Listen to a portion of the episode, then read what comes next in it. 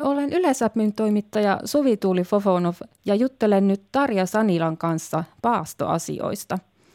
Paastoahan on perinteisesti vietetty laskiaisesta pääsiäiseen ortodoksisessa ja katolisessa kirkossa ja vähemmän näkyvästi myös luterilaisessa kirkossa, mutta jokainenhan voi paastata omalla tavallaan, vaikkei kuuluisikaan kirkkoon.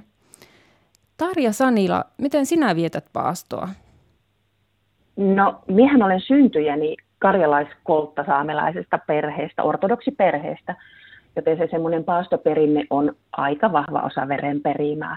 Mutta mulla on menossa vasta kymmenes varsinainen suuri paasto nyt. Ja se johtuu siitä, että minä tapasin yhden miehen kymmenkunta vuotta sitten ja hänellä oli ollut tapana pitkä, pitkä perinne siitä paastoamisesta ja minäkin sitten liityin mukaan. Me aloitetaan laskiaistiistain jälkeisenä tuhkakeskiviikkona, silloin aamutuimaa ja paastomme 45 päivää. Ja sinä aikana ei syödä lihaa, ei maitotuotteita, ei kananmunaa eikä karkkia. Olen itse ollut joskus ennen pääseestä herkkulakossa, kun olen halunnut opetella itsekuria ja terveellisempää ruokavaliota. Mitä syitä ja lähtökohtia sinulla on paastolle? No mun mies on huomannut, että paastolla on todella hyviä terveysvaikutuksia. Verenpaine laskee ja verensokerit tasoittuu, olo virkistyy ja unenkin laatu paranee. Ja ne terveysvaikutukset kestää pitkään sen paaston loppumisen jälkeenkin. Ja sen lisäksi mieheni harrastaa siis ruoanlaittoa. Hän ottaa paaston haasteena ja pyrkii aina kehittelemään uusia paastoturvallisia ruokalajeja. Meitä on, meitä on semmoinen pikkuinen ystäväporukka, joka paastoaa ja meillä on ollut tapana, että kokoonnumme monesti viikonloppuisin sitten syömään yhdessä paastoruokia. Ja mun esikoinen on itse asiassa tällä kertaa ensimmäistä kertaa mukana, eli perinne on siirtymässä. Nykyään joillakin on tapana pitää välillä somepaastoja ja täytyy kyllä myöntää, että itselle myös sellainen tekisi hyvää. Tai onko sulla kokemusta tällaisesta somepaastosta? No on kyllä kuullut siitä, mutta en ole kyllä harkinnut. Mutta sen sijaan niin meillä on muutaman kerran ollut myös joulupaasto tämän suuren paaston lisäksi, ja sekin kuuluu itse asiassa kristilliseen perinteeseen, mutta on vähemmän tunnettu paastotapa. Se tarkoittaa sitä, että Martin päivästä jouluun jätetään lihaa pois. Se on huomattavasti helpompaa kuin tämä suuri paasto. Minulle kävi herkkopaaston aikana kerran sillä tavalla, että muistin vasta kahvilassa pullan ostettua, niin että sehän kuuluu kiellettyihin ruokiin.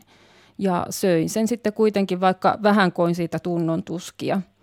Onko sinulla kuinka tiukka linja, että saako paaston aikana repsahtaa, jos siltä tuntuu? No ensimmäisten paastojen aikana sattui kyllä lipsahuksia, koska siis unohdin olevani paastolla ihan niin kuin sullekin on käynyt. kerran, kerran esimerkiksi töissä huomasin, että mulla hampaan väliin jäänyt joku murune ja sitten kaivelin sitä kynnellä ja oikein vahva kaarde mun mammaa levisi suuhun. Ja silloin vasta tajusin, että mä olin syönyt pullat. En edes muistanut siis, että on paastolla. No, mulla on siis yksi tuttu, joka on muslimi ja heilläkin on paasto menossa tällä hetkellä Ramadan. Ja me juteltiin tässä yksi päivä paastoasioista ja hän sanoi, että paasto menee pilalle, jos sitä rikkoo tahallisesti. Siis se tarkoittaa siis sitä, että ei pysty hillitsemään itseänsä. Mutta jos sattuu vahinko, niin se ei haittaa.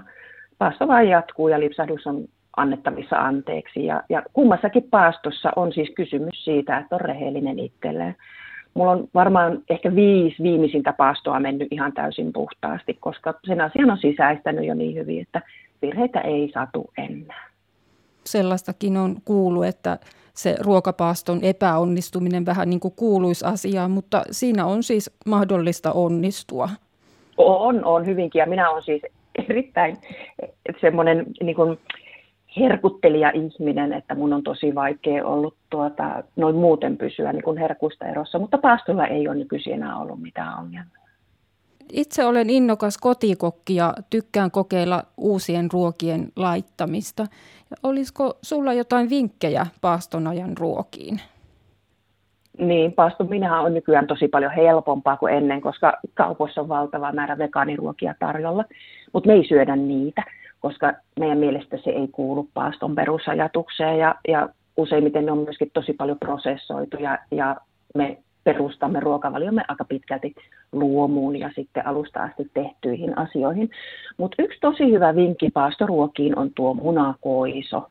Se on sellainen tosi monipuolinen ja herkullinen raaka-aine. Ja jos nettihaulla hakee nimellä pyörtynyt imaami, niin löytää sellaisen ruokalajin, joka on täysin paastoturvallinen ja sitä paitsi vielä tosi herkullinen.